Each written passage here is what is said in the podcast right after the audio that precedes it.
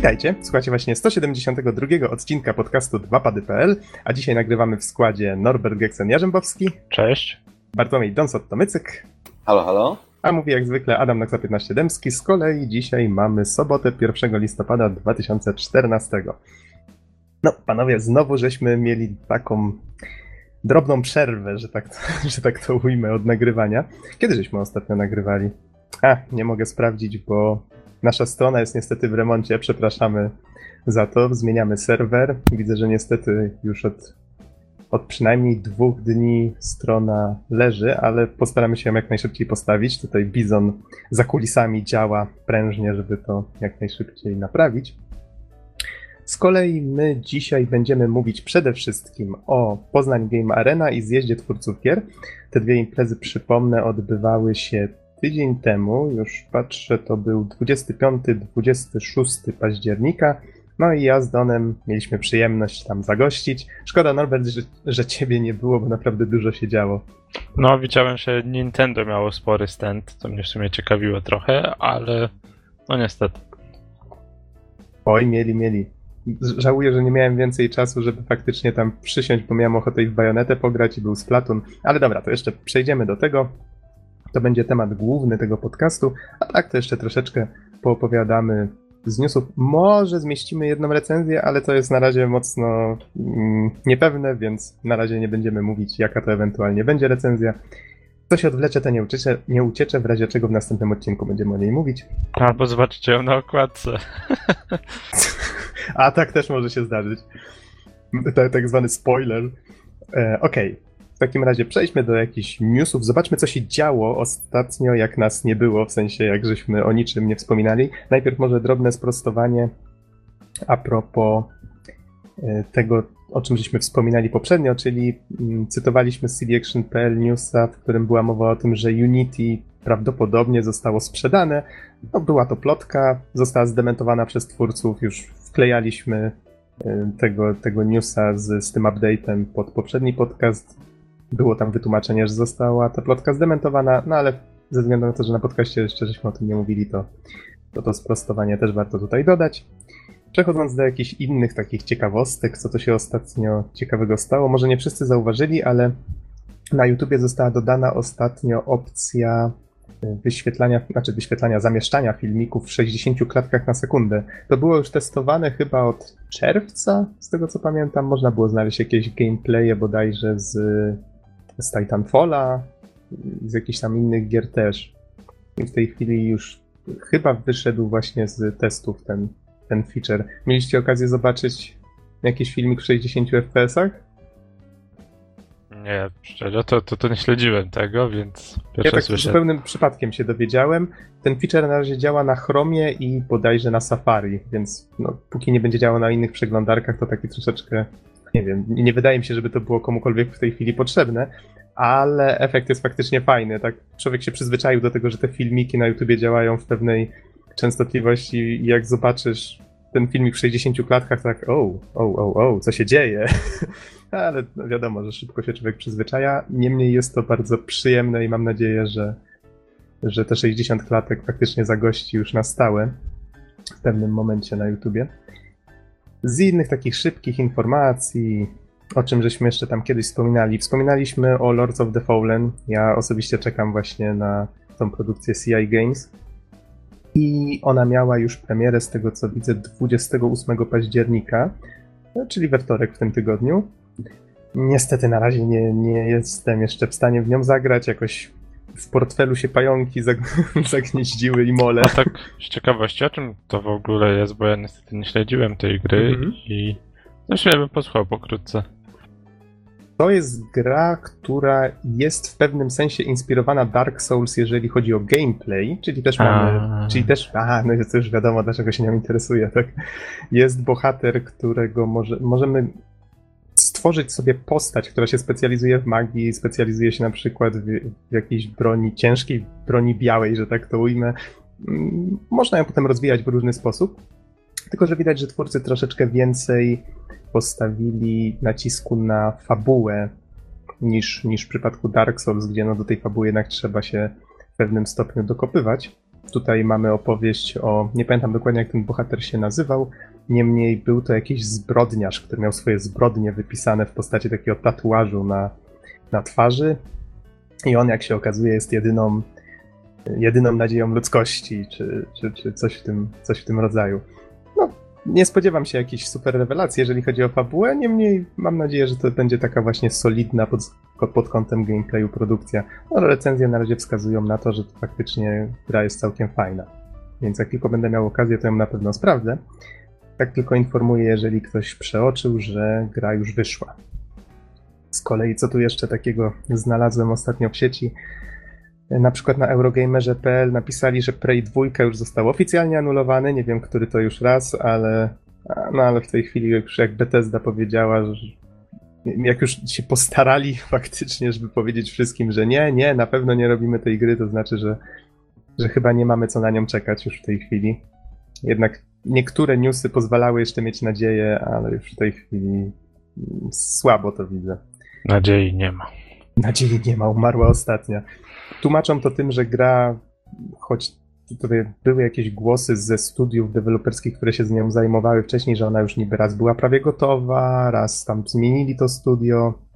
Strasznie kombinowali. Był nawet całkiem ładny zwiastun y, przygotowany, prerenderowany, który fajnie budował klimat. No, można było podejrzewać, że faktycznie wszystko idzie dobrze, ale w pewnym momencie po prostu gra przestano cokolwiek o niej mówić. Bethesda twierdziła, że nie spełniała ich jakichś wymagań jakościowych. No, nie, nie wiadomo. Jakaś strasznie skomplikowana historia. Pewnie za kilka lat będą o tym pisać artykuły, co tak naprawdę się działo. No, niemniej oficjalnie ją anulowano w tej chwili. Szkoda, no bo fajnie się zapowiadała. No i jedynka też była fajna, nie wiem czy graliście. Nox na pewno grał, bo wiem, że kiedyś u mnie skończył. Bo była krótka dość, na 4 godzinki, ale te portale były fajne. No i to bieganie po sufitach. Bo ja sam wiem, czy setup 4 też. godzinki? Chyba trochę dłużej nam to zajęło, nie? No ale nie była jakoś bardzo długa w każdym razie. Jeden wieczór na pewno, no. No, Ale miło go wspominam. z kolei z kolei taki news trochę z bardziej z naszego podwórka, że Ethan Carter sprzedał się, no, minął już miesiąc od premiery, sprzedał się w 60 tysiącach kopii do tej pory. Tutaj pierwsza rzecz, jaką, pierwsze pytanie, jakie Don zadał przed podcastem, to czy to dużo, czy mało? Nie wiem, Don, czy miałeś jeszcze możliwość przeczytać może ten artykuł, co tam tuż przed podcastem wrzuciłem, czy za szybko? Nie do końca, po prostu go przejrzałem. W każdym Mhm. razie, no to jest, wiecie, zawsze kwestia wątpliwa, dlatego że inaczej patrzymy na produkcję wysokobudżetową, która po prostu musi się sprzedać no, nawet w milionach egzemplarzy, e, a w innego przypadku gier indie, które, no nie wiem, jeśli się sprzedadzą w 100 tysiącach, to po prostu jest to niesamowity sukces. Stąd było moje pytanie. Mhm. Z kolei ten artykuł, o którym wspomniałem, to może, y, może go dodam pod podcastem, bo y, to jest z bloga The Astronaut, z twórców y, y, Cartera i tam tłumaczą właśnie, odpowiada, starają się odpowiedzieć na to pytanie, czy to jest dużo, czy mało tutaj właśnie pod kątem tego, że to jest gra indie i tak dalej i tym podobne. W sumie całkiem, całkiem ciekawa lektura, niezbyt długa, można się dowiedzieć paru ciekawych rzeczy. W każdym razie 60 tysięcy według twórców to nie jest wcale tak mało. No, ale też nie piszą, że jest dużo. Ja zastanawiam się, czy oni są zadowoleni, czy nie. ponoć są. Tak co, mnie interesuje natomiast, kiedy pojawi się jakaś wersja pudełkowa, bo wtedy na pewno będzie jeszcze jedna sztuka sprzedana. Wydaje, wydaje mi się, że powinieneś zacząć szukać, bo chyba już powinna być. Tak mi się wydaje. Nie jestem pewien tutaj, tak tylko się domyślam, bo gdzieś o tym czytałem, ale, ale miała na pewno być. Czy już jest, to nie wiem, ale myślę, że powinieneś poszukać. Na pewno gra nie trafiła jeszcze na PlayStation 4, a jest, jest zapowiedziana. Co tu jeszcze mamy? Poprzednio wspominaliśmy o grze The Black Glove, tak? Czarna rękawiczka, Tak. współtworzą, którą współtworzą ludzie, którzy odeszli z Irrational Games, czyli twórcy Bioshocka. No, studio niestety zostało rozwiązane i w tej chwili, no jak wiadomo, w przyrodzie nic nie ginie, ci ludzie znajdują e, swoje miejsce gdzie indziej albo sami zakładają jakieś mniejsze studia. No i skoro już żeśmy poprzednio wspomnieli o jednej z takich gier, to myślę, że można teraz wspomnieć o kolejnej. Nazywa się The Flame in the Flood, czyli płomień w, e, w powodzi, tak? Tak. I to jest, to jest projekt na Kickstarterze. Widzę, że 5 dni do końca zostało, a już udało się uzbierać sumę. Ponad 6 tysięcy osób wsparło projekt. 150 tysięcy dolarów było potrzebne i już jest ponad 200 tysięcy, więc widzę, że, że wszystko się udało pod tym względem. Sześcioosobowa ekipa ten projekt tworzy i z tego co widziałem to chyba level designer i ktoś odpowiedzialny za, y, za kierunek artystyczny. To ludzie, którzy właśnie pracowali przy, między innymi przy Bioshocku. A sama gra, no nie wiem, Don, chcesz troszeczkę opisać, jak to wygląda? Czy ja mam w paru słowach? Generalnie mm, gra dzieje się w takim dosyć ciekawym, barwnym świecie, wręcz takim baśniowym. Głównym bohaterem, a raczej bohaterką jest osoba właśnie niesio- nies- niosąca kostur z płomieniem. Przypomina mi osobiście troszeczkę czerwonego kapturka i co ciekawe właśnie ona porusza się po tym świecie, który jest taki y, strasznie pokręcony i dziwaczny, ale w tym pozytywnym sensie. To znaczy tu i ówdzie znajdują się e, znaki z napisami jak z westernu, no i generalnie jest taki dosyć surrealistyczny. Mhm. I tutaj jakby głównym motywem przewodnim, który już można z tytułu wywnioskować, jest to, że świat opanowała powódź, został zalany wodą i próbujemy przeżyć na takiej małej ręcznej roboty tratwie. I razem ze swoim, tutaj widzę, że kompanem psem, tak, staramy się znaleźć jakieś materiały, które pomogą nam tą tratwę wzmocnić, przeżyć, no, szukamy jedzenia, sprzętu i spotykamy różne dziwaczne postacie, bo tak jak wspomniałeś, jest to takie troszeczkę bajkowe. Niemniej wygląda to już teraz bardzo intrygująco, między innymi dzięki temu fajnemu stylowi graficznemu. No i ciekaw jestem, co z tego wyjdzie. Faktycznie zapowiada się ciekawie. I chyba troszeczkę, w, troszeczkę się w motyw wędrówki też wpasowuje, prawda Don? To jest twoja działka, jeżeli chodzi o gry. To będzie się ze mną długo ciągnęło w każdym razie. Nie zdziwiłbym się, gdyby ta gra też pasowała się w moją teorię, która obejmuje no, część gier, bo nie wszystkie. Ale je- jest naprawdę dużo gier, które, które podejmują motyw podróży w konkretny sposób. I to jest bardzo ciekawe. Mhm. A to może przypomnij... znaczy, Mhm. co mam przypomnieć konkretnie? znaczy, chciałem przypomnieć, że miałeś swoją prelekcję na ten temat na zjeździe twórców gier tegorocznym. Tak, tak. Myślę, że do tego jeszcze jakoś tam w dwóch słowach na pewno wrócimy. E, W każdym razie, to już może nawet dokończę tą myśl. Otóż e, jest pewna grupa gier, która motyw podróży porusza w bardzo, ale to bardzo podobny sposób. E, Na przykład e, chociażby gdzieś tutaj mi krąży po głowie Dear Esther, The Vanishing of Ethan Carter. E, Co tam mamy jeszcze? Mamy całą masę, czy Datura, mamy całą masę produkcji, które zwróćcie uwagę, że mogą być nawet całkiem podobne do siebie. Mają podobną stylistykę, e, podobny gameplay momentami, mm, a nawet, e, a nawet podobną konstrukcję bohatera. I tutaj naprawdę jest, naprawdę to ciekawe jest, żeby po prostu się temu przyjrzeć. W każdym razie może przejdziemy dalej. O prelekcji mojej jeszcze może ze dwa słowa powiemy dalej. Mhm. Ja to skorzystałem z okazji, zacząłem rozkładać notatki z ZTG. Mam tu plan na sobotę i niedzielę, a było tego całkiem sporo. No ale to za chwilę do tego przejdziemy. Z kolei, co my tu jeszcze mamy? Ech, no cóż, jest taki jeden temat kontrowersyjny, o którym myślę, że warto wspomnieć, chociaż być może niektórzy mają go już serdecznie dość. Mm, Zapowiedziano grę, która się nazywa Hatred. No, cóż, strzelanka w rzucie izometrycznym, jak strzelanka w rzucie izometrycznym. Niby nic w tym nadzwyczajnego, ale z, sęk w tym, że zwiastun tego, tej gry, on, no cóż, kipi brutalnością i to w takim stopniu, że jak go oglądałem, to stwierdziłem, że ten pierwszy postal, który też był w sumie strzelanką w rzucie izometrycznym, nie wiem, czy wiele osób to pamięta. Ty, Norbert, na pewno, bo pamiętam, że grałeś w to jeszcze. Znaczy, ja więcej grałem w dwójkę. Od tego Mhm. się u mnie zaczęło. Jedynka była taka. No, ona była prostą grą. Gdyby nie to tło całe, to tak naprawdę nic specjalnego w niej nie było. Mhm. I, I myślę, że to będzie też ciekawy temat do dyskusji w tym przypadku.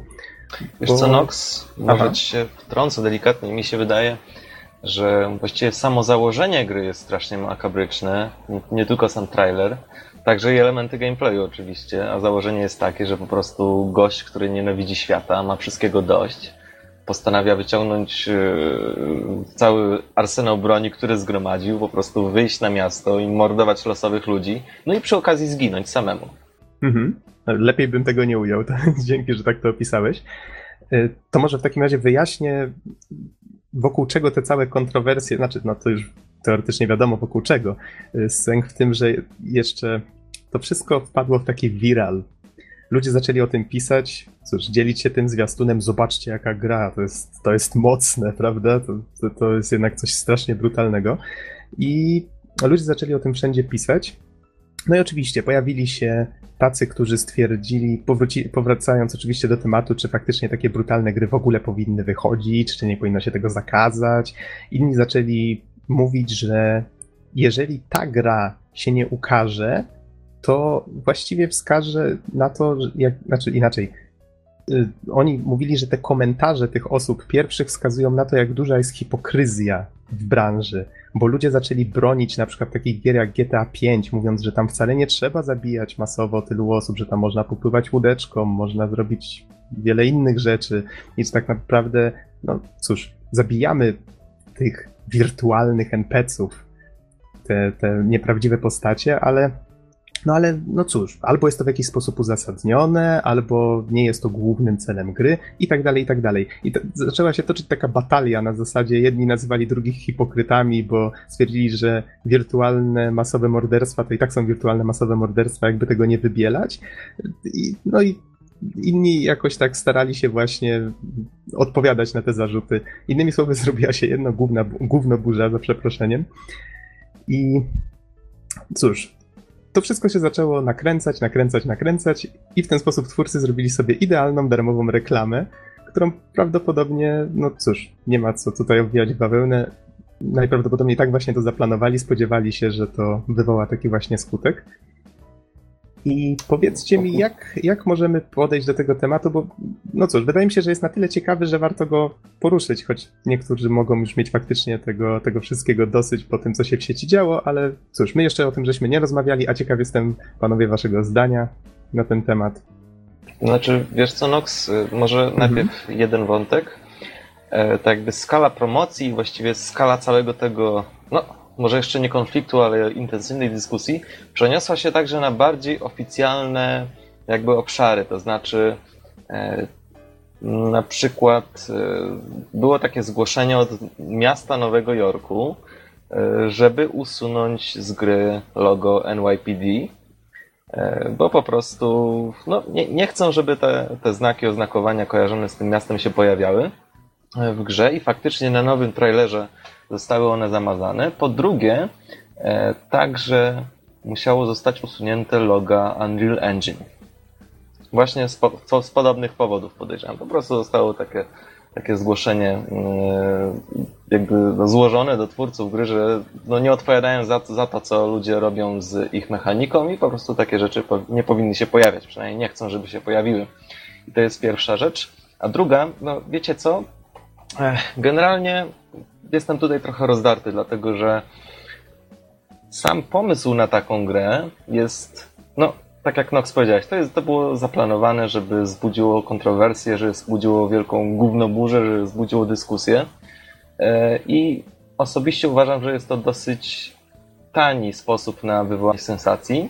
Aczkolwiek trzeba jednak przyznać twórcom, że wszystkie materiały, na, na przykład ten trailer, gameplay, e, po prostu to wszystko wygląda bardzo profesjonalnie, jednak widać, że, że wysiłek został duży włożony w to, żeby ta gra tak wyglądała, żeby, żeby miała grafikę całkiem ładną, bo grafika jest naprawdę prześliczna e, i gra wygląda prześlicznie, gdyby nie fakt, e, że bohater robi rzeczy, które za prześliczne jednak e, nie uznajemy. Więc, więc mogę powiedzieć na swoim przykładzie, że w momencie, kiedy obejrzałem trailer, byłem już w momencie, kiedy po prostu bohater, e, kiedy kamera się zmienia na izometryczną e, i bohater zaczyna strzelać, to pomyślałem sobie, no dobra, no kolejna strzelanka izometryczna, bardzo fajnie, wygląda solidnie, ale pewnie mnie nie zachwyci i pewnie to nie będzie coś dla mnie. Natomiast w momencie, kiedy zobaczyłem kolejną część, w której właśnie ujawnia się prawdziwe jakby oblicze e, rozgrywki, no to jednak mimo wszystko stwierdziłem, że gra być może być może warto ją zobaczyć ze względu na to, jak, e, jak kontrowersyjnie podchodzi do tematu. No i właśnie tutaj mamy jakby reakcję widza. No z jednej strony E, gdyby, gdyby gra, powiedzmy, była zwyczajną, izometryczną strzelanką, w której po prostu gość ratuje świat, to, to myślę, że nie byłoby takiego szumu. A w momencie, kiedy wychodzi na ulicę i zabija wszystkich, nagle akcja promocyjna, której naprawdę nie mogliby sobie kupić za pieniądze. Mhm. Tutaj moje reakcje były bardzo podobne. Właściwie już na początku, jak tylko ten dialog się pojawi, ten monolog właściwie, gdy bohater mówi, że on nienawidzi tego świata i tak dalej, to od, od razu mi się skojarzyło właśnie z czymś napisanym całkiem nieźle, właściwie aż ciary mnie przeszły w pewnym momencie, bo to faktycznie to jest nieźle napisane, nieźle nagrane. No i jak przychodzi co do czego i faktycznie zaczyna się ta rzeź na ekranie, no to to jest dość mocne, tak jak wspomniałem. Od razu sobie przypomniałem pierwszego postala i stwierdziłem, że w porównaniu z nim to to wygląda naprawdę y, zabójczo. Badumprz. Ale. No nie, właśnie. Nie, wygląda tutaj... prześlicznie. nie wiem, czy to słowo pasuje do tej gry, ale. No tak, ale wygląda profesjonalnie, tak, to się zgadza. No i właśnie cały, cały jakby tutaj y, cały problem właśnie w tej tematyce. Powiem wam, że zainteresowało mnie kilka kwestii właśnie w całej tej dyskusji, bo na, na Facebooku miałem okazję wziąć udział w dwóch dyskusjach na ten temat i, i w jednej z nich pojawiły się takie głosy na zasadzie, że, że to, ta tematyka, czyli właśnie właściwie ta, to masowe mordowanie niewinnych ludzi w tej grze, no bo nie ma się co oszukiwać, to są ludzie, którzy nie mają nam jak oddać, my po prostu wpadamy tam i strzelamy do wszystkiego, co się rusza, że ta tematyka zabija ten projekt pojawiło się takie zdanie. I że dlaczego nie dałoby się tego zastąpić zombiakami? Albo niektórzy mówili, a to może pod koniec gry fajnie by było, gdyby się okazało, że na przykład temu bohaterowi tylko się wydawało w jego głowie, że on, że on zabijał tych ludzi, albo żeby się okazało, że to jakiś dzieciak grał przy komputerze, tak, mamo, już kończę, i tak dalej. I pojawiła się odpowiedź na tego typu pomysły, co prawda nie od twórców, że, a od jednego z komentujących, że ludzie mają taką taki zwyczaj wybielania właśnie tych masowych y, zbrodni w grach, że oni jeżeli faktycznie chcą się bawić z jakąś grą, to muszą sobie koniecznie dopowiedzieć w jakiś sposób coś, co pozwala im faktycznie podejść do tego bardziej na luzie. To jest w sumie taki ciekawy ciekawa kwestia psychologiczna, wydaje mi się. Wiem, że tutaj, wiecie, wchodzimy dość głęboko w pewne kwestie w przypadku gry, która opiera się na bardzo banalnym założeniu, po prostu strzelać do wszystkiego, co się rusza i przedstawić to w taki sposób, żeby jak najbardziej szokował.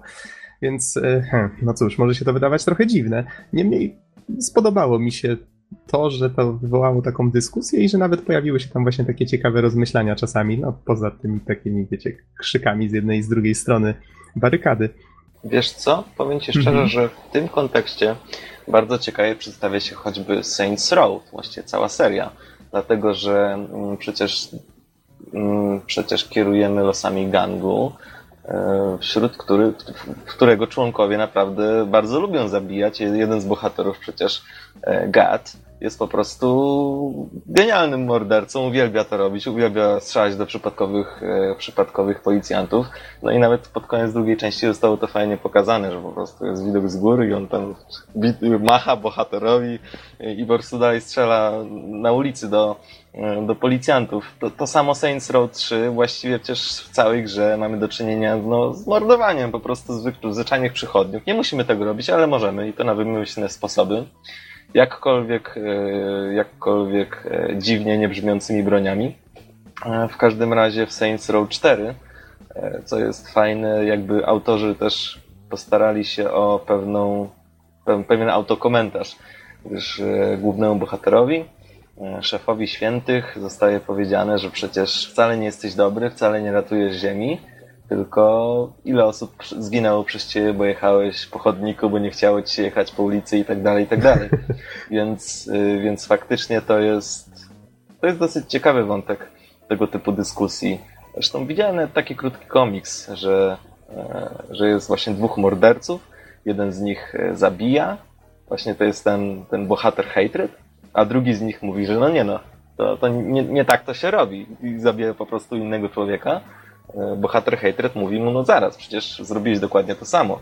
E, Natomiast ten odpowiada mu, no nie no, ja to zrobiłem w ramach e, ironicznej, ironicznego komentarza społecznego. A tak, widziałem to. To, to chyba było od twórcy Control Alt Delete i ten drugi bohater właśnie, o którym wspominasz, to była jedna z postaci z GTA V. Tak, tak, to, to właśnie doskonale oddaje całą tą dyskusję. No cóż, co tu jeszcze można ciekawego na ten temat, y, na ten temat dodać? Wydaje mi się, że przynajmniej takie jest moje osobiste zdanie na ten temat, że twórca powinien, dopóki przynajmniej nie powoduje to faktycznie y, nikomu nie robi to krzywdy, dopóki na przykład nie nawołuje w tym swoim dziele, prawda, do robienia takiej masakry w prawdziwym życiu, to wydaje mi się, że no, twórca ma prawo coś takiego umieścić w grze. No, to jest przecież tylko fikcja. Mamy filmy, mamy, mamy gry, mamy książki. I cóż, wydaje mi się, że twórca powinien móc takie rzeczy umieszczać. Z cenzurą, cóż, trzeba walczyć, to nie jest dobra rzecz, ale z drugiej strony, no, twórcy są nastawieni na krytykę, powinni być. Każdy ma prawo krytykować dzieła yy, właśnie dowolnego medium. I cóż, wiadomo, że nie każdy tę grę kupi. Ja sam, szczerze mówiąc, jakoś nie czuję szczególnie potrzeby zagrania w Hatred, chociaż być może się skuszę, jak już wyjdzie. Ja myślę, że, że mógłbym zobaczyć choćby, choćby po to, żeby po prostu e, zobaczyć na własne oczy, jak daleko twórcy tej gry zaszli. Mhm. Ale właśnie to, to mnie też ciekawi, czy oni. Znaczy, wydaje mi się, że oni właśnie powinni pozostać konsekwentni. I tam po komentarzach od nich, które widziałem, widać, że oni chcą być konsekwentni w tym, co robią. Że oni chcą, żeby ta gra była właśnie brutalna, żeby była taką odpowiedzią na te wszystkie. No, może to za duże słowo odpowiedzią, ale żeby nie wybielała tego wszystkiego. Żeby to było specjalnie właśnie takie mocne, jak jest teraz i, i to, co obiecali w tym zwiastunie, żeby to faktycznie wyszło. No i cóż, wydaje mi się, że to, to jest taka postawa raczej, no cóż, konsekwentna i nie chcę jej tutaj pochwalać jakoś szczególnie, ale. Ale, Ale- może pochwalić za konsekwencje i, i Tak. tylko za to. Powiedzmy Tak, sobie tak. szczerze. Bo mnie osobiście, no cóż, te- też, też trochę mnie tak niepokoi ta tematyka, przyznam szczerze, ale, ale ciekaw jestem, co, co w końcu im z tej gry wyjdzie. I ciekaw jestem, czy będą próbowali wsadzić w to jakiś morał czy coś, czy to po prostu będzie takie, taka kompletna rzeź. No, nie wiem, zobaczymy. To zależy od tego, jak wykorzystają ten cały hype, właściwie, no taki hype, no powiedzmy, powiedzmy że, że po prostu hałas wokół gry, jaki się wytworzył. A ja jeszcze swoją podsumowania mogę Mhm. dodać taką myśl, że w Modern Warfare 2 pojawiła się dokładnie taka sama misja. Otóż e, rzecz polegała na tym, że było czterech uzbrojonych po zęby mężczyzn, którzy po prostu weszli na lotnisko z zamiarem e, zabicia wszystkich cywili i tak, takie coś było. Strzelało się praktycznie do, do wszystkich bezbronnych ludzi. Wyglądało to nieco makabrycznie. Osobiście się cieszyłem, bo to było jedna z tych misji, w których po prostu nie miałem problemu z celowaniem do przeciwników. Ale, ale to, jest, to, jest tak raczej, to jest tak raczej w ramach e, ironicznego komentarza. Natomiast, e, natomiast e, też warto dodać, że twórcy gry mm, Call of Duty mają taki zwyczaj, że po prostu na pierwszym, podczas pierwszego uruchomienia w głównym menu dostajemy komunikat, że niektóre treści gry mogą być e, obraźliwe lub po prostu zbyt drastyczne dla niektórych twórców, dla niektórych odbiorców, więc można po prostu wybrać, czy chcemy zobaczyć jakby cały content gry, włącznie z nimi, e, lub po prostu je pominąć, bo akurat tego typu misje można było spokojnie pominąć jeśli wybraliśmy tą drugą opcję, że nie chcę oglądać, to po prostu mieliśmy informację o tym, że taki a taki zamach się na lotnisku odbył. A, pamiętam, że tam była jeszcze jedna kwestia. Niektórzy bronili się właśnie w ten sposób, że Tam nie trzeba było strzelać. Tak, dokładnie. I tu znowu pojawia się ta kwestia psychologiczna, to wybielanie. Mnie strzelać nie kazano, tak? Więc To no, to trochę jest, jak- to jest ciekawe. To trochę jak po stalu dwójce, który prawie cały można było, czy nawet nie cały, chyba można było przejść bez strzelania. Calutki można było przejść, nie robiąc nikomu krzywdy. Chociaż Dokładnie. gra starała się jak mogła, żebyśmy stracili nad sobą panowanie, z tego co pamiętam. Tak, tak. Że kolejki były bardzo długie, więc kuszące było, żeby podejść No i po prostu się przycisnąć w tej kolejce i tak dalej, i tak dalej. Bardzo delikatnie Ale to, no tak, ale to był taki dobry komentarz odnośnie takiego irytacji na temat życia codziennego. Czyli hatred faktycznie, że mogę też swój komentarz dorzucić jakby nie... Zazwyczaj to, to, to jest w jakiś bardziej lub mniej sposób usprawiedliwione jednak, tak? Trochę jak, nie wiem, obrona własna. A tutaj ten koleś po prostu idzie mordować, bo tak. I chyba przez to jest to całe obojrzenie. Ale to... Mhm. Wiecie co, a propos jeszcze tego, jeszcze a propos tego, e, tego faktu, że gracz powiedzmy nie musiał strzelać w tamtej misji. Tutaj wchodzimy generalnie na, na obszary, które, które można ująć nazwą manipulacja zachowaniem gracza poprzez, poprzez gameplay, poprzez zasady gameplayu, ale to, to faktycznie to jest trochę inna działka. Mhm. No dobrze, panowie, czy jeszcze chcemy coś dodać na temat hatred i w ogóle Myślę, przemocy, że możemy czy... zakończyć, bo zaraz krew chyba przy- zacznie się wylewać z naszych monitorów, więc, Okej. więc myślę, że to jest bezpieczny moment. Myślałem, że krew nas zaleje. Okej. To jeszcze kilka takich drobniutkich newsów. Ostatnio dziwne problemy ma Sony. Co prawda ja swojej PS3 nie odpalałem od jakiegoś czasu. Teraz nie jestem pewien, czy powinienem, bo po ostatnich update'ach i PS4 doczekało się jakiegoś update'u 2.0 bodajże i, i teraz właśnie na PS3 też ostatnio jakiś wgrano.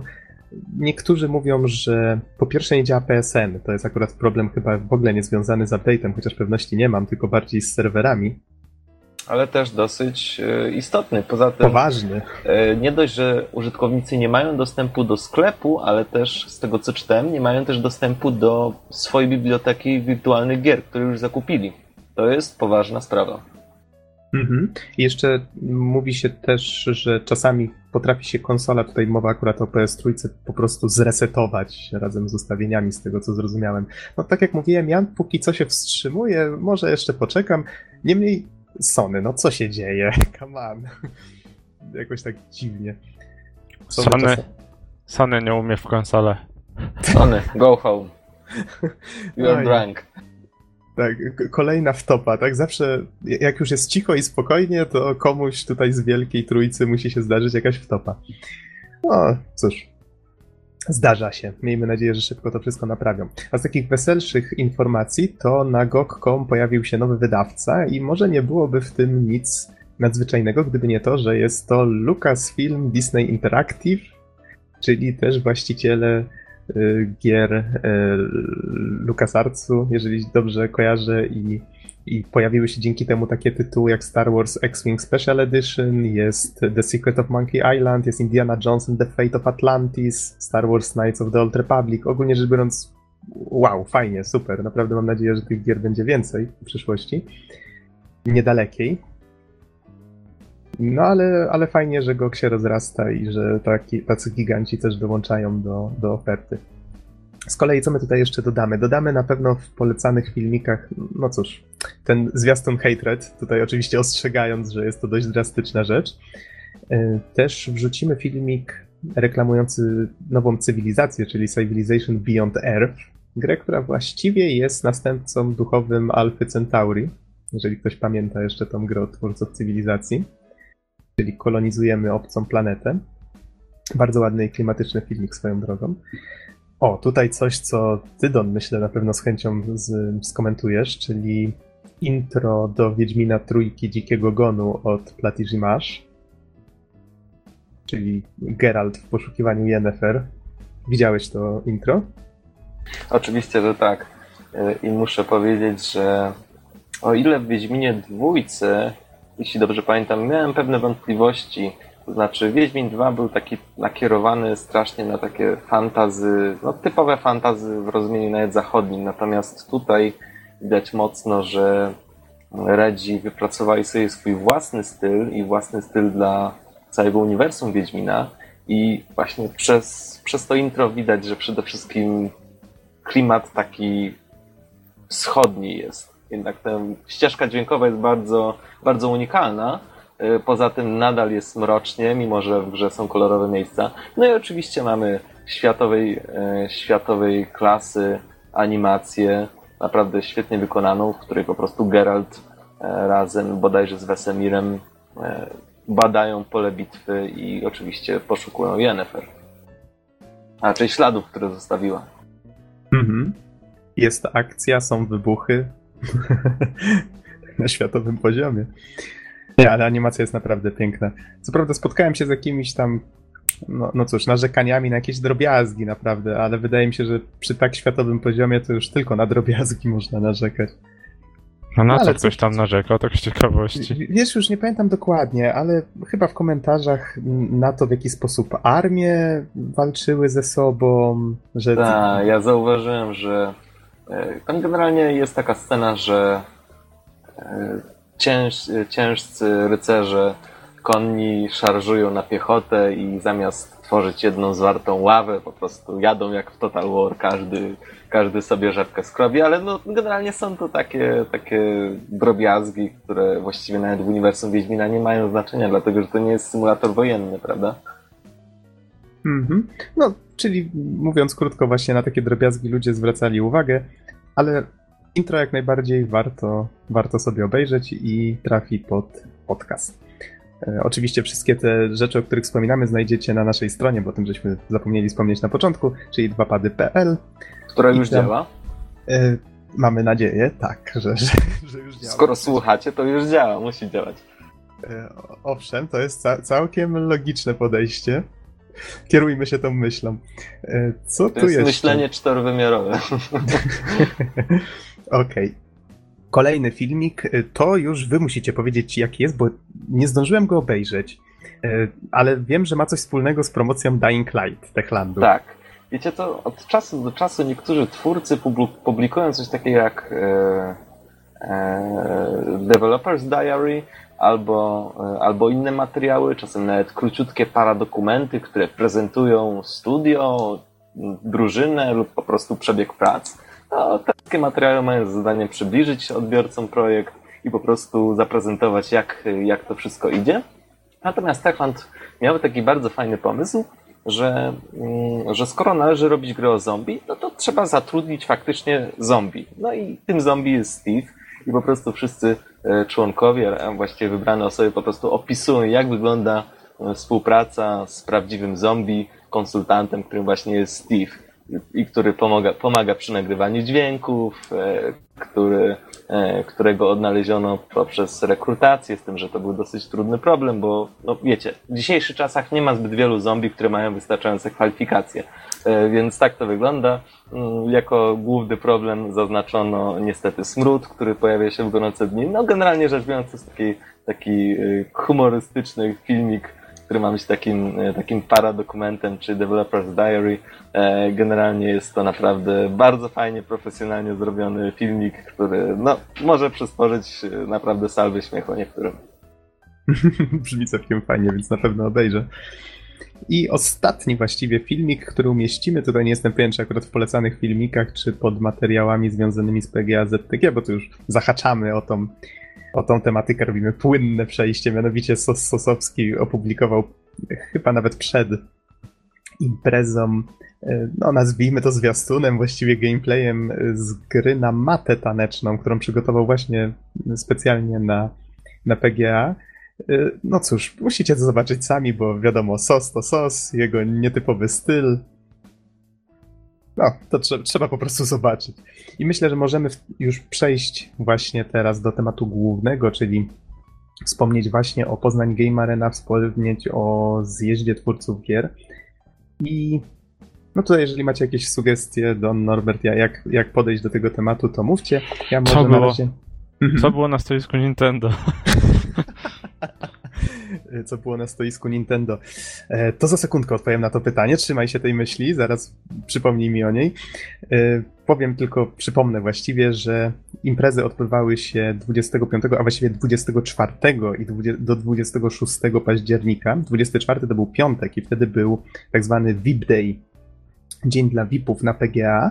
E, Wejściówka bodajże kosztowała 100 zł, chociaż nie pamiętam dokładnie, nie chcę tutaj nikogo wprowadzić w błąd. Niemniej była dużo droższa, i no cóż, wtedy można było wejść, było dużo mniej osób, wszystko zobaczyć e, dużo prościej, a faktycznie było co oglądać. Z kolei ZTG zaczęło się dzień później, 25, to była sobota.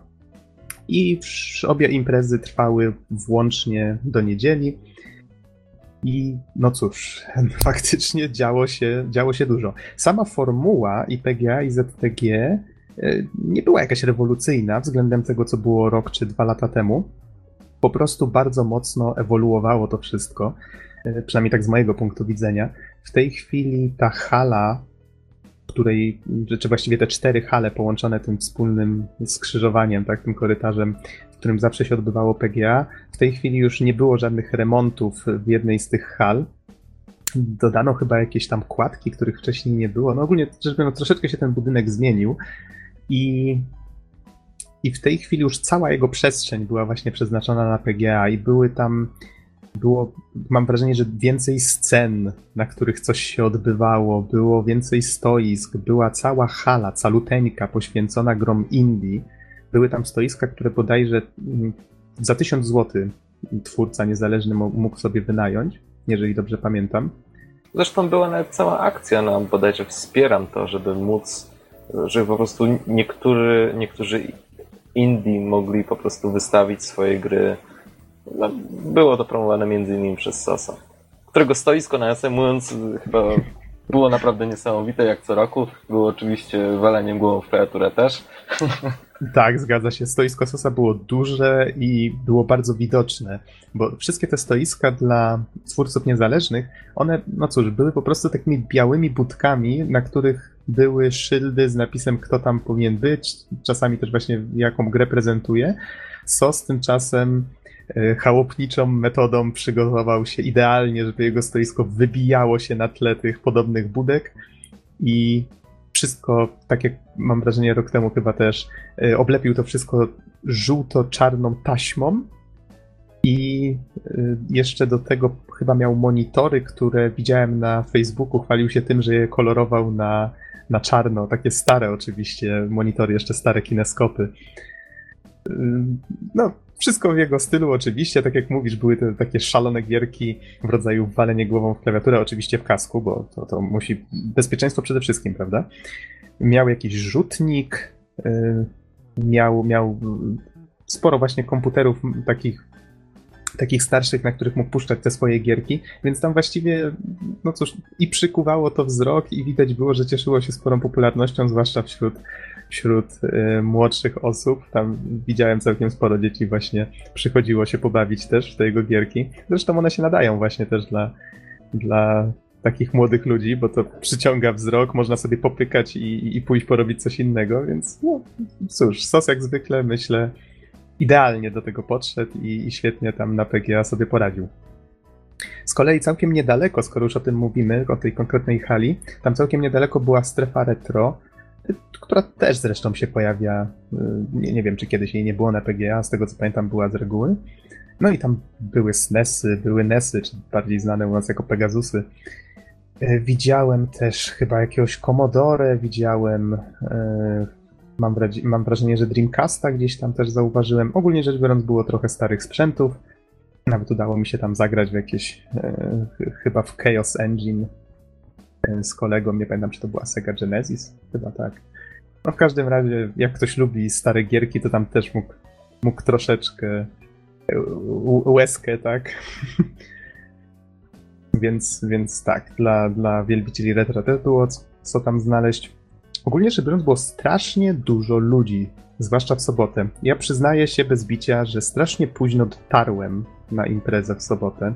Byłem gdzieś o 14.30 E, czekałem chyba z pół godziny w kolejce na wejściówkę, bo to tak jak zwykle było tak, że wejściówka e, działała na zasadzie wchodzisz i jak wyjdziesz z terenu targów, a tam były też inne imprezy w rodzaju jakieś targi zabawek, targi muzyczne, jeżeli wyjdzie się z tego terenu, to już traci się ten bilet. 17 zł kosztował i no cóż, siedziałem do oporu I ZTG też właśnie było wśród tych imprez, było w osobnym budynku, więc była cisza, spokój, były prelekcje. Ale może skończmy, skoro zaczęliśmy już od PGA, mówić o PGA. Tak jak wspomniałem, było mnóstwo osób w sobotę, w niedzielę już troszeczkę mniej. Niemniej tłumy były faktycznie dość spore. To było pozytywne zaskoczenie. Ostatnio właśnie, w ostatnich latach ta impreza mocno się wybiła, od kiedy y, nastąpił ten reset i jeszcze raz PGA powróciło. I mhm. takie mam wrażenie, bo właściwie jeśli mam jakiegoś znajomego, który powiedzmy siedzi w grach, pisze o grach i tak dalej, to naprawdę wszyscy mówią o PGA, są świadomi tej imprezy, a paradoksalnie o ZTG nie. Mam nadzieję, że to się zmieni. Mhm. Y, taka ciekawostka. Spotkałem znajomego, którego poprosiłem, bo tam już było od rana w sobotę właśnie na tej imprezie. Mówię, prowadź mnie na ZTG, bo już oprowadził mnie o wszystkim, po wszystkim na PGA. Mówię, prowadź mnie tam, gdzie jest ZTG. I zaprowadził mnie właśnie koło strefy retro. Tam była taka niewielka scena, na której też były prelekcje i widziałem, że też tam było właśnie logo ZTG. On mówi, to tutaj. A tak, e, nie, to na pewno nie tutaj. Mówię, że pięć sal, już nie pamiętam ile tych prelekcji, ale niesamowite ilości. E, to nie może być ta jedna scena. I faktycznie, jak tam żeśmy znaleźli e, plan przy wejściu, no to tam zaznaczono niby, że to ZTG jest w innym budynku.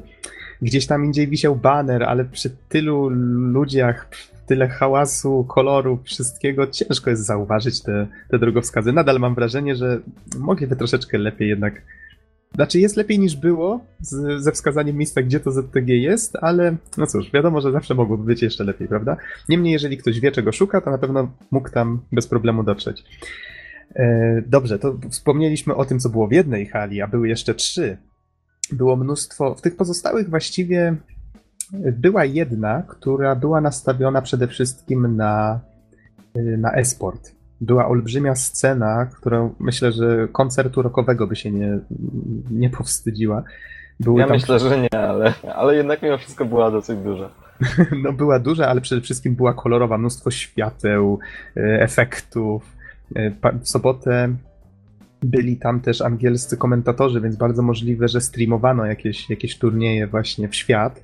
W ogóle ta e, scena była o tyle fajna, że, że była podzielona właściwie na takie dwie, dwie barwy, niebieską i czerwoną. I no, po każdej stronie było bodajże sześć stanowisk dla członków konkretnej drużyny, więc naprawdę postarali się o to, żeby wyglądało to no, fajnie pod względem wizualnym. I mhm. no, naprawdę było, było w porządku. Ktoś mi powiedział, że to była scena, na której rozgrywano World of Tanks. Zdziwiłem tak, się, tak. że to się aż tak rozrosło. E, był oczywiście też League of Legends. W tej samej hali też była spora widownia, chociaż tak troszeczkę wróg e, sali to, to tym razem tam, tam to umieszczono, tam to wepchnięto. E, I jeszcze chyba jakaś strzelanka była, już nie pamiętam dokładnie jaka. Niemniej tam właśnie było bardzo esportowo w tym miejscu. Jeszcze w tych dwóch pozostałych halach, tam już było tak mieszanie. Były jakieś sceny, właściwie większość nawet stoisk poświęconych chociażby sprzętowym sprawom, e, też miało jakąś scenę, na której odbywały się jakieś mniejsze konkursy, właśnie ktoś z mikrofonem zachęcał do tego, żeby podchodzić, żeby tutaj wziąć udział w jakiejś promocji i tak dalej. Takie rzeczy już były, mam wrażenie, że teraz było tego po prostu, po prostu więcej. A, tylko tym razem nie rzucano już ludziom pudełkami z grami po głowach. Dziękujemy CD Projekt, że zadbaliście o nasze zdrowie. Tym razem pojawiło się, bodajże tak, nazwano to giermaszem po prostu. Rozłożono coś w rodzaju takiego, no, supermarketu pod dachem. To był generalnie taki teren, który po prostu był odgrodzony od reszty i no, generalnie do wejścia była spora kolejka, dlatego że, dlatego, że wpuszczano do jakiejś liczby osób, żeby nie, nie zrobił się zbyt duży bałagan. No i po prostu można było tam kupić gry po okazyjnych cenach. A przynajmniej wydaje mi się, że takie były, chociaż niestety nie mieliśmy okazji tam wejść. Obserwowaliśmy wszystko z ogrodzenia. Mhm, zgadza się. Chociaż jeżeli chodzi o tabliczki z cenami, to były dość duże i wyraźnie sygnalizowały, że tutaj za 15 zł można dostać mnóstwo gier. E, co tam jeszcze było? Ogólnie rzecz biorąc, było na tyle dużo rzeczy, że no ja późno się tam zjawiłem. Następnego dnia musiałem wcześniej niestety wracać, więc... Ja mogę powiedzieć od siebie, mhm. że jeśli chodzi o moje przybycie, było jeszcze gorzej, dlatego że ja pojawiłem się dopiero w niedzielę około godziny 12. Tak, byłem nawet przed 12, no ale niestety był to, to już drugi dzień, więc, więc czasu było mało, niestety nie za dużo mogłem się rozejrzeć i właściwie potem siedziałem już cały czas na ZTG, dlatego że, e, dlatego, że potem była moja prelekcja, no i tak niestety wyszło. Mhm. No to ja miałem właśnie troszeczkę więcej czasu i, i mogłem faktycznie troszeczkę tej atmosfery PGA e, wchłonąć, ale właściwie obszedłem wszystko, zobaczyłem co tam jest, żeby móc o tym trochę opowiedzieć, a potem też skupiłem się na ZTG i faktycznie ostatnie godziny tej soboty to spędziłem właśnie tam. Ale już y, może kończąc y, wymienianie co tam jeszcze było, była jeszcze jedna hala, w której faktycznie była dość duża scena. Nie pamiętam dokładnie, co na niej było, bo nie spędzałem tam czasu. Niemniej, właśnie w tej hali było to, co Ciebie, Norbert, najbardziej obchodzi, czyli było stoisko Nintendo, które mnie bardzo pozytywnie zaskoczyło. Y, jakieś no, konkretne pytania? Znaczy, ja widziałem tylko w internecie e, jakąś relację z tego stoiska. No i wydawało się po pierwsze ogromne. Nie wiem, no porównaniu do tego, co było w poprzednim roku na PGA, to nie wiem, czy. Czy nie mogło to być jedno z, z największych stoisk w ogóle tam? No, nie, nie, nie przesadzajmy. Nie było, nie, nie było ogromne, ale sprawiało bardzo pozytywne wrażenie z kilku powodów. Po pierwsze, były tam gry by można było faktycznie w coś zagrać. I tutaj nie mówię o jakichś gierkach na Wii, bo to już się zdarzało na PGA, że na przykład Nintendo reklamowało właśnie Wii, rozstawiało się z telewizorami, można było tam zagrać właśnie w jakieś snowboardy czy inne tego typu rzeczy. Rozstawili gry, które no cóż, nie ma co wijać bawełnę, na pewno nie jeden hardcore chciałby zagrać. Była Bajoneta dwójka, nad którą tam przechodziłem za każdy, chyba ze dwa, trzy razy przechodziłem koło tego stoiska i widziałem kolejkę i płakałem, że nie mam czasu tam postać chwilę. Y, było Hyrule Warriors. O, to tak przy okazji coś, Norbert, co być może w przyszłości będziesz recenzował. Spoiler, spoiler, spoiler, tak? No zobaczymy, no, no. E, to tak, można było zagrać w Hyrule Warriors, które już jest w sklepach. Bayonetta chyba też już wyszła, nie? Tak, tak, jest już -hmm. u mnie i pykam na razie w jedynkę, choć... Dobra, no ale to, to, to wróćmy do stoiska. -hmm. I był też był też Splatoon, czyli ta strzelanka w wykonaniu Nintendo, tylko że taka rodzinna strzelanka, gdzie się farbą wszystko, wszystko traktuje. Wyglądało to na E3 bardzo fajnie i tutaj mogło w to grać aż 8 osób, z tego co pamiętam. Jednocześnie to wszystko było połączone w jedną akcję ogólnie rzecz biorąc, bardzo dobre wrażenie to na mnie zrobiło, bo właśnie wydaje mi się, że to jest najfajniejsze w takich targach, nie jakieś tam powiedzmy stoiska ze sprzętem. Tutaj oczywiście przepraszam fanów sprzętowców, prawda, fanów sprzętu, ale ja przychodzę, żeby zobaczyć właśnie, że o, jest gierka, na którą czekam, to mogę do niej podejść, mogę w nią zagrać i według mnie to jest właśnie to, co na tych targach jest najfajniejsze. I Nintendo tutaj bardzo miło mnie zaskoczyło, bo no cóż, przez jakiś czas miało problemy z wydawcą, prawda? Teraz już wszystko wróciło do normy, no i widać, że ten wydawca się stara. Więc to, to mi się podoba. To mi się podoba i Nintendo ma u mnie dużego plusa dla PGA w tym roku. A nie wiem, czy też nie rozdawali jakichś kodów na Pokémony unikalne? A to. Tak, tak, tak, ponoć tak, chociaż to taka zabawna sytuacja, którą od znajomego usłyszałem podeszli ponoć właśnie do obsługi tego stoiska i powiedzieli, że no chcą, chcą te kody. Tak spojrzeli na nich, hmm, jakie kody? No cóż, piszecie u siebie na, na Facebooku, że rozdajecie kody tutaj na tym. Pokazali im tą stronę i oni tak spojrzeli. Hmm, chwileczkę, pójdziemy sprawdzić. Poszli sprawdzić, wracają. Tak, faktycznie, mamy te kody. Więc cóż, tak troszeczkę, nie wiem, taka zabawna sytuacja, ale ale tak, rozdawali kody na Pokémony, zgadza się. Jej. Jej, dokładnie. Szkoda, że nie mam Pokémonów.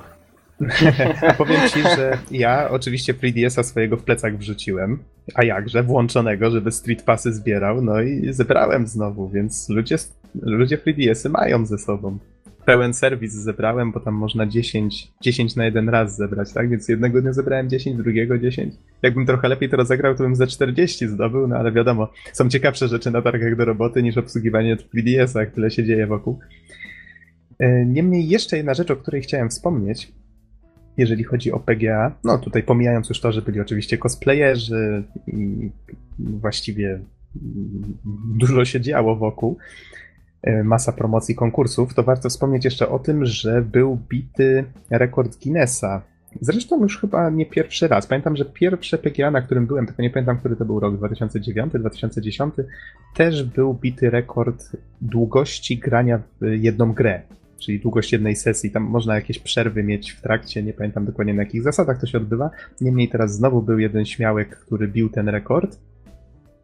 I tutaj na, posłużę się newsem na cdaction.pl, to był Hubert Gordon Blake i on grał w Sniper Elite 3 Afrika i tutaj cytując, Gordon spędził 136 godzin, 3 minuty i 30 sekund. Koniec cytatu przy tej grze. Masz jakieś informacje na temat tego, ile łącznie miał przerw? Bo wiesz, generalnie takie nie, nie, granie pod rząd, tyle godzin, nawet, nawet przyjmując, że robił jakieś przerwy, bo jednak musiał, tak, tak, jest tak, to robił... ekstremalne zajęcie, mówiąc krótko.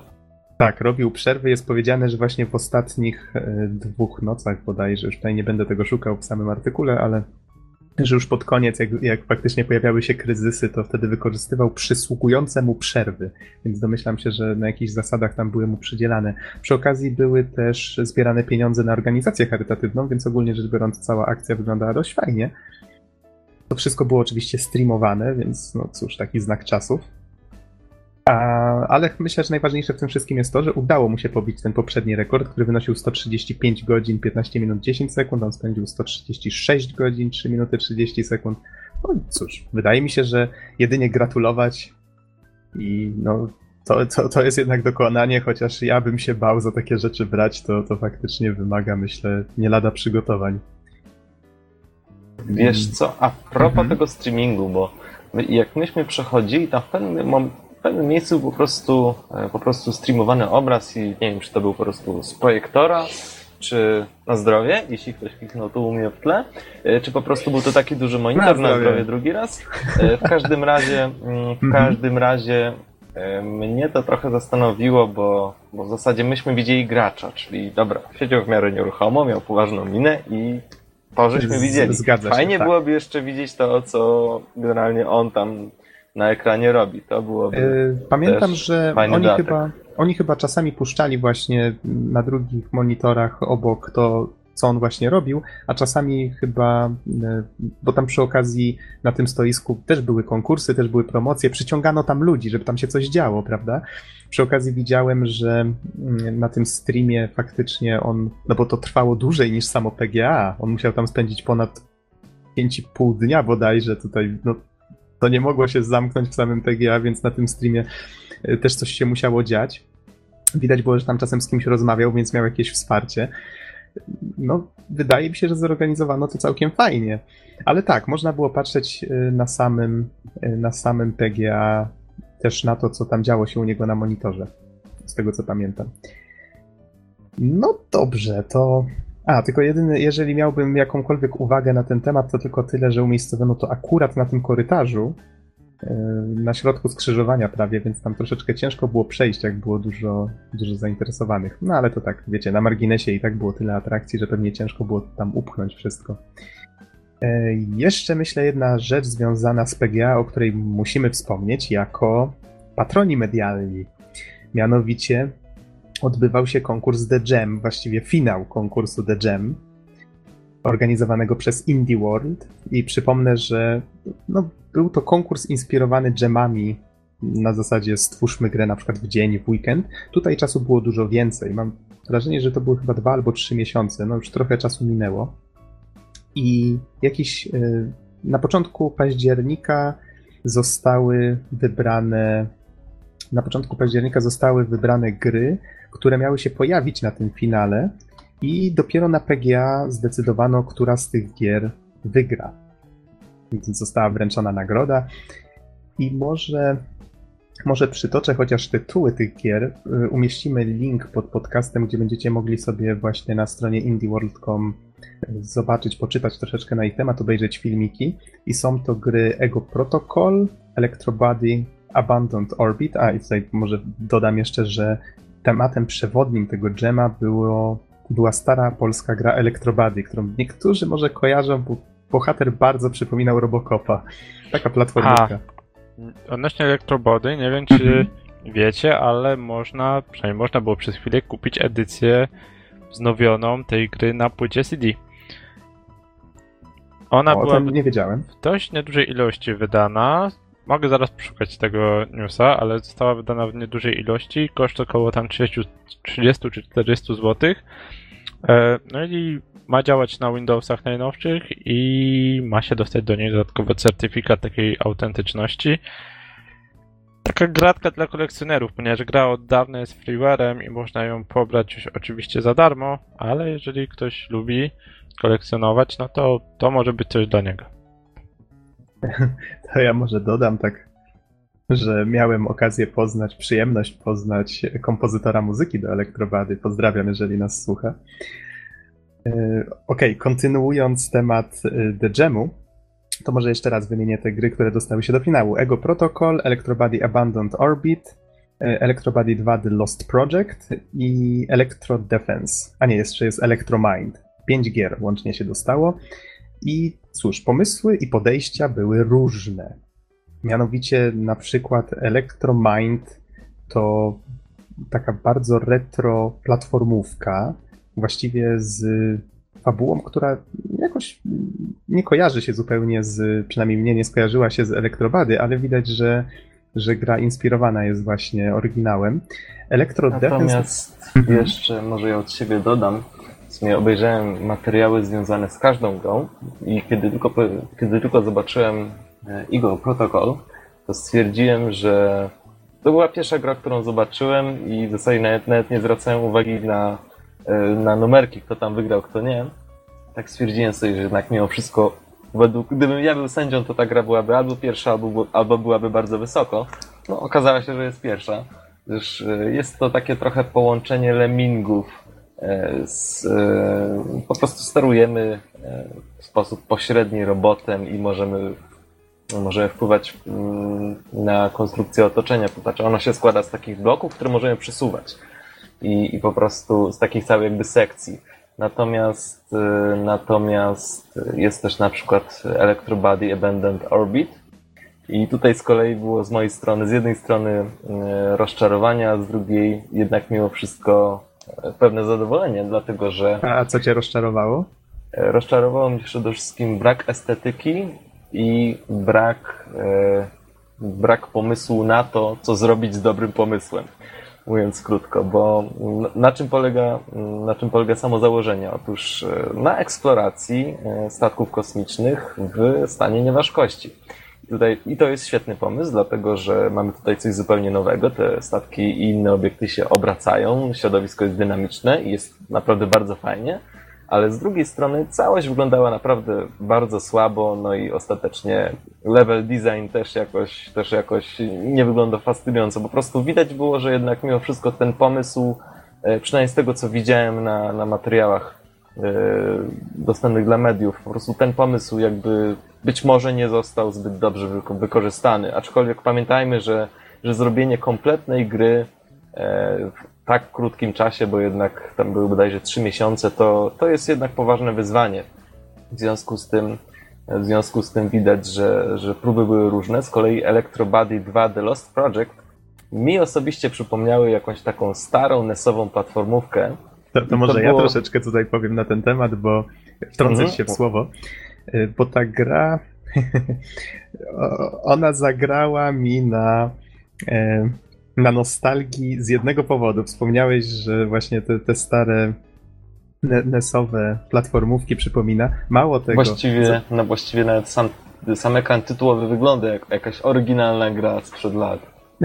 Posłuchaj, posłuchaj, daj mi skończyć. Ta gra nie tylko jest inspirowana starymi platformówkami na Pegasusa. Ona jest starą platformówką na Pegasusa. Ona została stworzona przez, przez użytkowników forum Emunes, jeżeli się nie mylę, i stworzyli ją w trzy tygodnie, z tego co się dowiedziałem.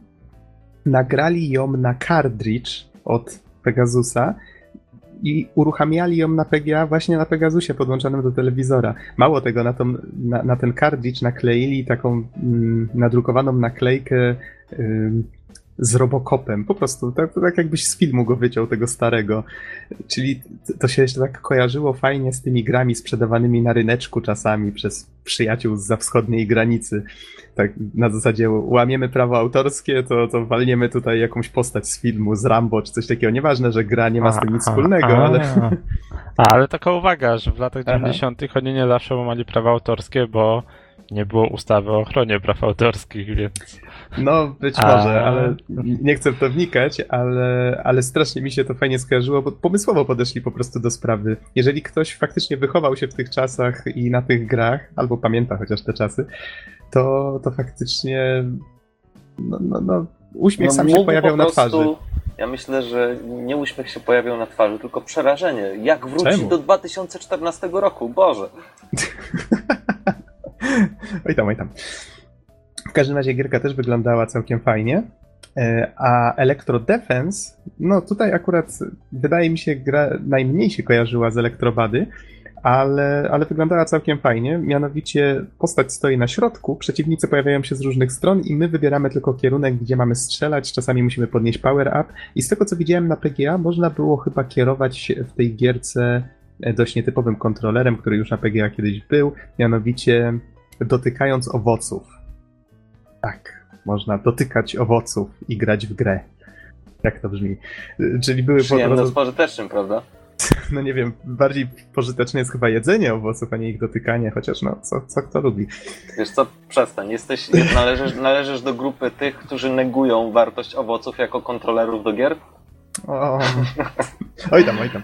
A wracając do samej gry, e, to co przykuło uwagę i właściwie to co miało przykuwać uwagę, to, to oczywiście roboty i inne wszystkie wynalazki, które mm, nadchodzą mm, i próbują zniszczyć gracza stojącego w centrum. Oczywiście nadchodzą z ośmiu kierunków, natomiast, natomiast one bardzo fajnie się rozwalają. One rozwalają się na różne elementy, dla nich jest liczona fizyka i po prostu w pewnym momencie na tej małej arenie jest ich całkiem sporo. No, wygląda na, nawet to całkiem w porządku.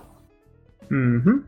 No i właściwie to ta gierka, którą, o której wspomniałem na początku, czyli Electromind, platformówka o, o detektywie szukającym cyberprzestępców. I tak jak już Don zaspoilowałeś, wygrało Eagle Protocol i jeżeli, jeżeli faktycznie miałbym tutaj ym, się zastanowić, dlaczego akurat taki wybór padł, to wydaje mi się, że twórcy Igo Protocol podeszli do sprawy najmniej dżemowo, tylko najbardziej podeszli do sprawy też marketingowo, czyli jak zrobić grę, która faktycznie ma prawo się sprzedać. Po pierwsze, zrobili ją na urządzenia mobilne. Po drugie, faktycznie ona jest prosta w założeniach i widać, że mogli ją dopracować. No więc wydaje mi się, że w konkursie, w którym do wygrania było między innymi wsparcie i marketingowe, i, i też finansowe w wydawaniu gry, no wydaje mi się, że dlatego jury właśnie zdecydowało się wesprzeć tę grę. Chociaż pozostałe też myślę, że albo mają jakieś właśnie pomysłowe rzeczy w gameplayu, albo e, bardzo nostalgiczne pomysły właśnie i rozwiązania, e, tak jak w przypadku tego Pegasusa, e, no czy właśnie tych, tych owoców, tutaj też całkiem nietypowy pomysł, więc więc każda z tych gier ma w sobie coś fajnego. Widać, że uczestnicy podeszli też do tego jak do takiego typowego jamu, gdzie, no cóż, robi się coś dla fanu, prawda? No, więc wydaje mi się, że. Czy, czy macie jeszcze coś może do dodania a propos The Jam, czy przechodzimy do samego ZTG? Czyli wiesz, jeśli chodzi o właśnie Eagle Protocol, Mhm. to zdecydowanie jest to gra, która wygląda najprofesjonalniej. To jest po prostu, wygląda jak normalna gra, która powstała na, na platformę mobilną i tyle.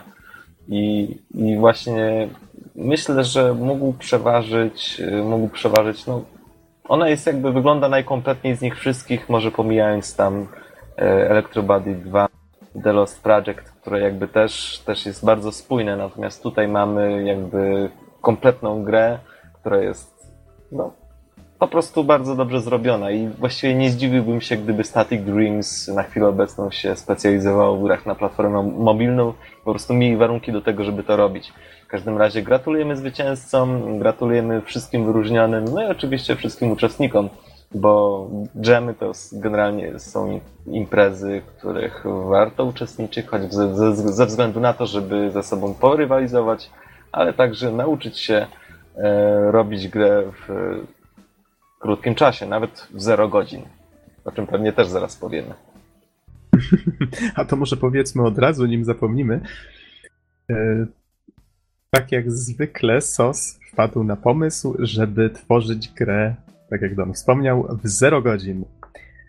To jest dość nietypowa mm, okazja, którą stwarza zmiana czasu, która no, jakoś tak dziwnie zawsze wypada właśnie wtedy, jak, jak jest organizowane PGA, ZTG. I tym razem było to o tyle nietypowe, że na, wynajęto specjalnie na noc, znaczy w sensie na tą godzinę między drugą a drugą w nocy, bo przypomnę, że o trzeciej w nocy cofano zegarek i dlatego właśnie dlatego właśnie tę grę tworzono w 0 godzin, wynajęto tramwaj. Innymi to słowy... na 0 godzin, prawda? Tak, na 0 godzin. Właśnie zastanawiam się, jak wyglądały negocjacje. No dobrze, proszę pana, ile kosztuje wynajęcie tramwaju na 0 godzin? Mm, nic? Super, dobijamy targu. Od drugiej do drugiej. Od drugiej do drugiej, tak. Więc wynajęto, nie wiem czy w ten sposób, ale być może wynajęto właśnie tramwaj. Tam się odbywał ten dżem. No, słyszałem, że zabawa była przednia, co to zakrapiane też niektórzy mówili, ale ponoć było całkiem zabawnie. Więc, więc to, to taka jedna z atrakcji też właśnie związanych z ZTG i PGA. Z kolei samo ZTG, no może przejdźmy już w końcu do, do naszego ulubionego zjazdu. I drugiego patronatu, Słucham. Drugiego patronatu medialnego na Tak, tak, zgadza się. Tutaj nie, nie ukrywamy faktów. E, z kolei tutaj, hmm, no właśnie, jak, jak, od czego by tu zacząć? Ja mam przy sobie właśnie te plany na sobotę i niedzielę. Przyznam szczerze, że nie pamiętam na ZTG aż tak, a, aż tak obfitych planów, bo tutaj jest pięć sal, w których co godzinę, a czasami co pół, niektóre faktycznie upchnięto prelekcje w pół godziny. Jeżeli miałbym się przyczepić, to Niestety czasami było to bardzo mało i widać było, że prowadzący nie zdążyli ze wszystkim, co chcieli przekazać w tym czasie. Niemniej jest to bardzo pokaźna liczba prelekcji. Nie pamiętam ile ich było dokładnie, ale jest tego multum. Ponad 100. Ponad 100. Albo ponad 80, jakoś tak w okolicach ponad 80 do 100, a może, może i nawet trochę więcej. Mhm. W każdym razie ZTG jest naprawdę wielkie w porównaniu z tym, co się działo w poprzednich latach. I widać też mocno to mm, w fakcie, że naprawdę cała masa gości z zagranicy przy, przyjechała, y, z wielu znanych firm także. I powoli OZTG, OZTG zaczyna być promowane już jako e, jedna z największych imprez game devowych w centralnej Europie, więc no już samo to mówi za siebie, jeśli, jeśli organizatorzy tej imprezy już powoli, powoli zaczynają o o ZTG mówić w ten sposób, to jednak mimo wszystko impreza musi się rozwijać i faktycznie tak jest. Mhm. Tutaj fajnie, że wspomniałeś o tych gościach z zagranicy, bo y, ja tutaj jak tak patrzyłem na szybko po planie, to yy, właściwie co godzinę przynajmniej jedna, przynajmniej jedna była prelekcja po angielsku. I mówiąc przynajmniej, mam na myśli, że czasami były na przykład trzy, więc no jest tego, jest tego dużo. Widać, że impreza już nie jest tylko taka ty, typowo dla, dla polskiego podwórka. E, mam wrażenie, że, że było na widowni też trochę osób właśnie nie tylko zaproszonych być może z zagranicy.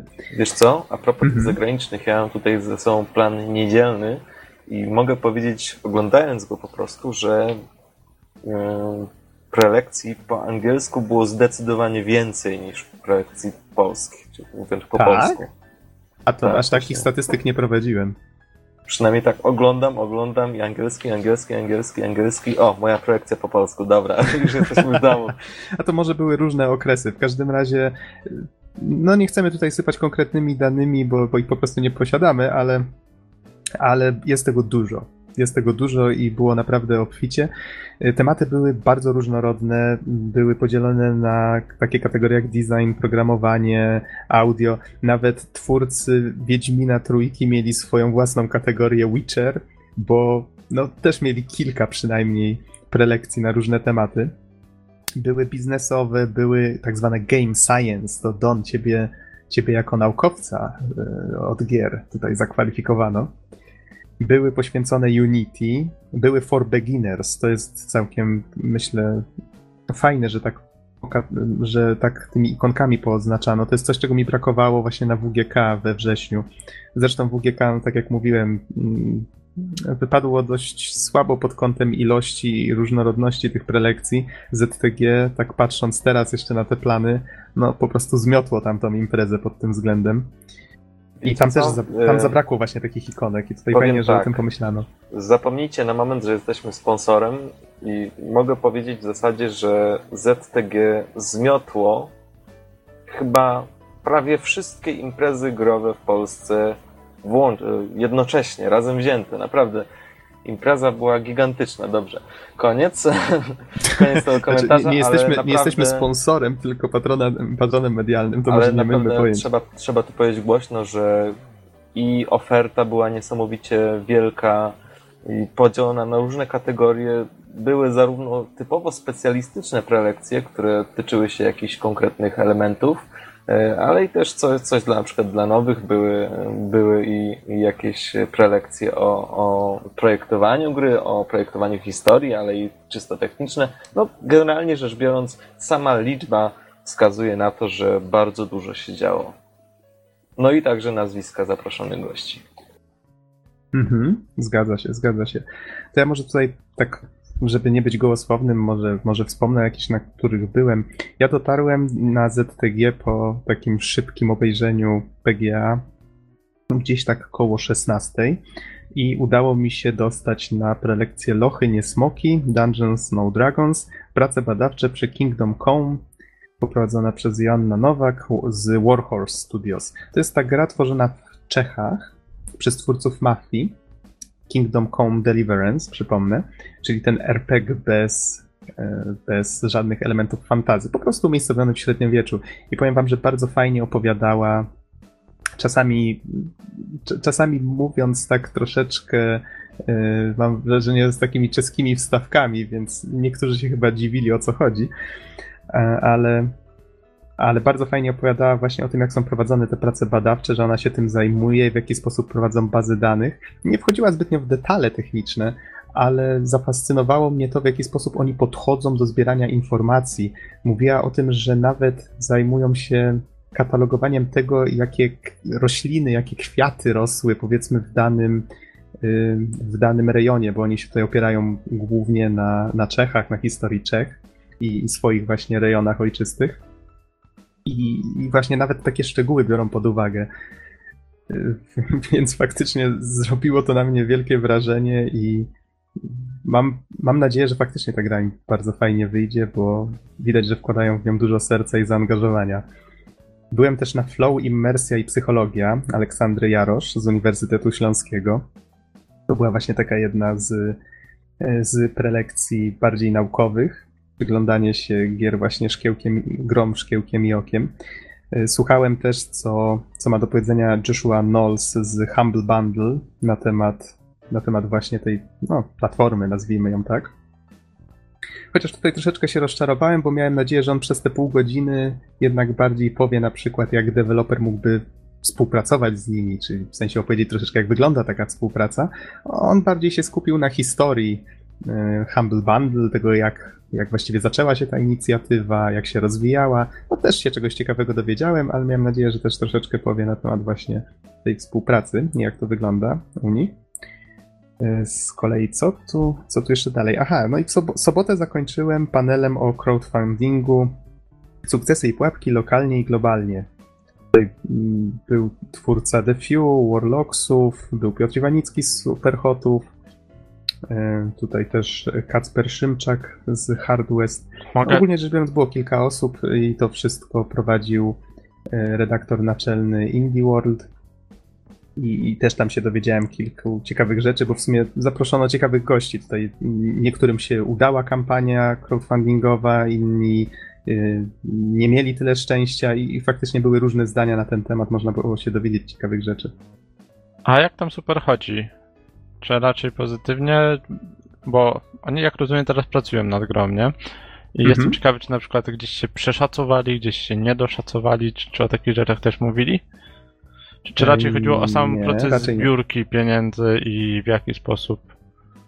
Bardziej tak, bardziej o to, rozmawiali o tym, czy opłaca się na przykład robić kampanię w Polsce, czy bardziej za granicą, y, czy w jaki sposób powinno się mm, przygotować tę kampanię. No tutaj wniosek był raczej jasny, że trzeba się przyłożyć do tego i że to jest ciężka praca na y, dłużej niż miesiąc, czyli po pierwsze trzeba bardzo solidnie to zaplanować, po drugie już jak ta kampania trwa, bardzo silnie ją wspierać.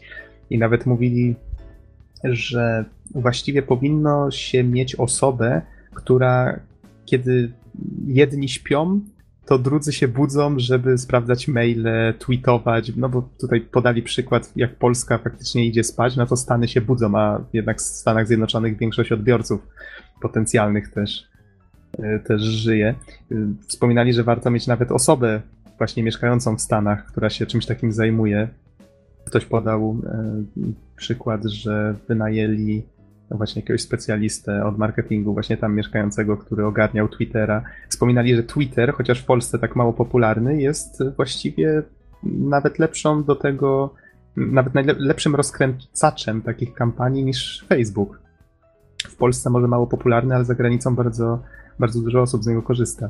No i było dużo takich ciekawostek. Ogólnie rzecz biorąc, nie chcę tutaj wchodzić w szczegóły, ale to jest właśnie taka taka kropelka pokazująca, jak dużo można się było dowiedzieć. Co prawda, wiadomo, nie wszystkie te prelekcje z tych 8, ponad 80, prawda, były na równie wysokim poziomie. No, nie da się czegoś takiego mm, oszacować, prawda? Niemniej poziom był bardzo wysoki i, i faktycznie dobór tematów był bardzo różnorodny. Pięć sal to właściwie gwarantuje, że się spojrzy na ten plan i znajdzie się przynajmniej jedną rzecz, na którą chciałoby się pójść więc to, to już samo w sobie budzi uznanie. No nie wiem, czy tutaj jeszcze może coś wymienić z niedzieli, to może Don, ty, tak, ty może właśnie coś powiesz? Z Noxem żeśmy się w niedzielę spotkali. Po zwiedzeniu PGA oczywiście pomaszerowaliśmy na ZPG i wprost na prelekcję od CD Projekt Red, konkretnie Michała Słapy, AI Jungle. I właśnie Michał Słapa tłumaczył pewne, pewne modele sztucznej inteligencji w Wiedźminie trzecim, jak one działają, e, jaka to jest metodologia, oczywiście w dosyć ogólny sposób, bo nie chciał tracić pracy jak, jak, jak wszyscy, więc generalnie prelekcja trwała dwie godziny i można się było dowiedzieć kilka ciekawych rzeczy, ale jak się łatwo domyśleć, generalnie myślą przewodnią, która tu i ówdzie się przebijała, to e, why our AI mechanics is awesome, is cool, is the best. Ale generalnie rzecz biorąc, y, była całkiem ciekawa. E, potem ja niestety Ale musiałem to... się już mhm. zbierać. E, byłem na fragmencie e, prelekcji Herwiga, Herwiga Kopp, który mówił, który, którego prelekcja ma tytuł Games and Transmedia, The Power of Interactive Storytelling. To była taka bardzo żywa prelekcja, właściwie opierająca się na takim zachodnim był taki zachodni sposób y, naukowy y, robienia prelekcji. To znaczy właściwie cała ta prelekcja składała się z takich anegdotek, z takich haseł, pytań, ale była dosyć dynamiczna i też całkiem ciekawa, dawała do myślenia. Y, o 16.00 zaczęła się moja i trwała do 17.00. No i oczywiście to był motyw podróży jako element organizujący strukturę wybranych gier wideo. Niektóre aspekty e, tego tematu już nawet wspominaliśmy na podcaście tutaj. Generalnie, może przypomnę w dwóch słowach, całość polega na tym, że tezą mojej pracy jest to, że motyw podróży może jakby porządkować całą strukturę gry i po prostu napisałem taką wstępną e, teorię, która ogarnia pewną grupę gier i za pomocą której można faktycznie porównać, wyciągnąć wnioski, czy ten motyw podróży faktycznie jakoś te gry, e, te gry porządkuje i czy faktycznie, powiedzmy, pewna grupa gier może być e, bardzo do siebie podobna ze względu na motyw przewodni. E, wszystko, co zrobiłem, w większości właściwie zostało oparte jako punkt wyjściowy mm, o pracy Jana Stasieńki z 2005 roku, chociaż w niej niestety trzeba było dużo zmienić, bo, bo dużo się stało w grach przez ten czas, ale mam jeszcze w sumie taką anegdotkę do opowiedzenia, taką właściwie ona się z niczym nie wiąże i jest całkowicie osobiste, a, ale mimo wszystko e, chciałbym się z wami nią podzielić.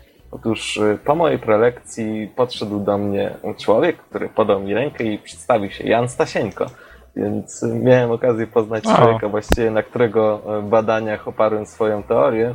I no, było to naprawdę niesamowite wrażenie, bo, bo jednak mimo wszystko znałem go raczej z, z kart jego książek, e, z jego tez, natomiast nie osobiście, nie w twarzą w twarz, więc no to naprawdę niesamowite przeżycie. No, pozdrawiamy, jeżeli nas słucha. I zresztą z tego co widziałem, to e, zdjęcie, na którym po prostu podaję mu rękę, znalazło się na profilu ZTG e, jako materiał, który promuje imprezę. Podpisany Wow. uczeni mistrz. O, no proszę. A, a gdzie dokładniej? Bo właśnie tego szukam. Czy gdzieś na Facebooku, czy na stronie?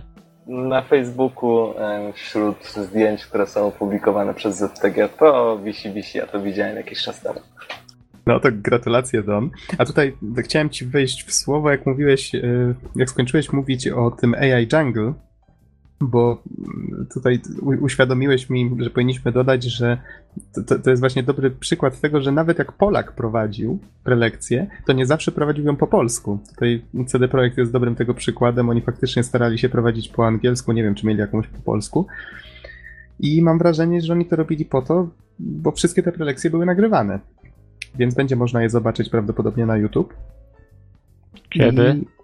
A tego niestety nie wiem, ale jak się dowiemy, to, to myślę, że poinformujemy. I myślę, że właśnie CD Projekt celuje też w to, żeby, żeby zagraniczni fani byli w stanie obejrzeć te, te prelekcje, więc fajnie, fajnie. To też na pewno co? pomoże imprezie.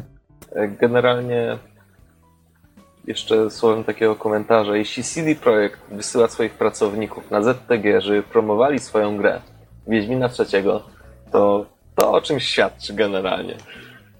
O tym, że mają za dużo wolnego czasu. Nie, to był żart, przepraszam. Ale, Nie, tak, takie, ale takie żarty tam krążyły, że y, o, tyle, tyle ludzi z CD Projektu, to co, oni już kończą tę grę, czy co? Nie, ale słyszałem pracę prom, pracę prom, więc to wiecie, takie żarty to są nie na miejscu. w każdym razie miło, że wybrali ZTG, naprawdę fajnie było ich zobaczyć i generalnie, że, że tak no, gra, która, która jednak ma ambicje do tego, żeby być światowym hitem, jest promowana innymi na ZTG jeszcze. 7 lat temu to było nie do pomyślenia. Mhm. No dobrze, panowie, to powiedzcie, czy o czymś jeszcze nie wspomnieliśmy, czy powinniśmy się jeszcze na czymś skupić, o czymś podyskutować. Możemy wymienić kilka studiów, które brały udział. Tutaj widzę 11-Bit Studios, Moa Cube, no CD Projekt Red, żeśmy wspominali, 8-Bit Studio, tutaj ludzie z Uniwersytetu Warszawskiego widzę też. A, nie, zaraz to ty. Huge Games. To ty, Don. Okej. Tip Tap Toe, Critical Force Entertainment. Dużo, dużo I było osób, pracownicy widzę dużo. Testronika. O, to ja też. A, no i wspieram to się też reklamowało, tak właśnie na, jak na tym panelu o crowdfundingu, tak samo.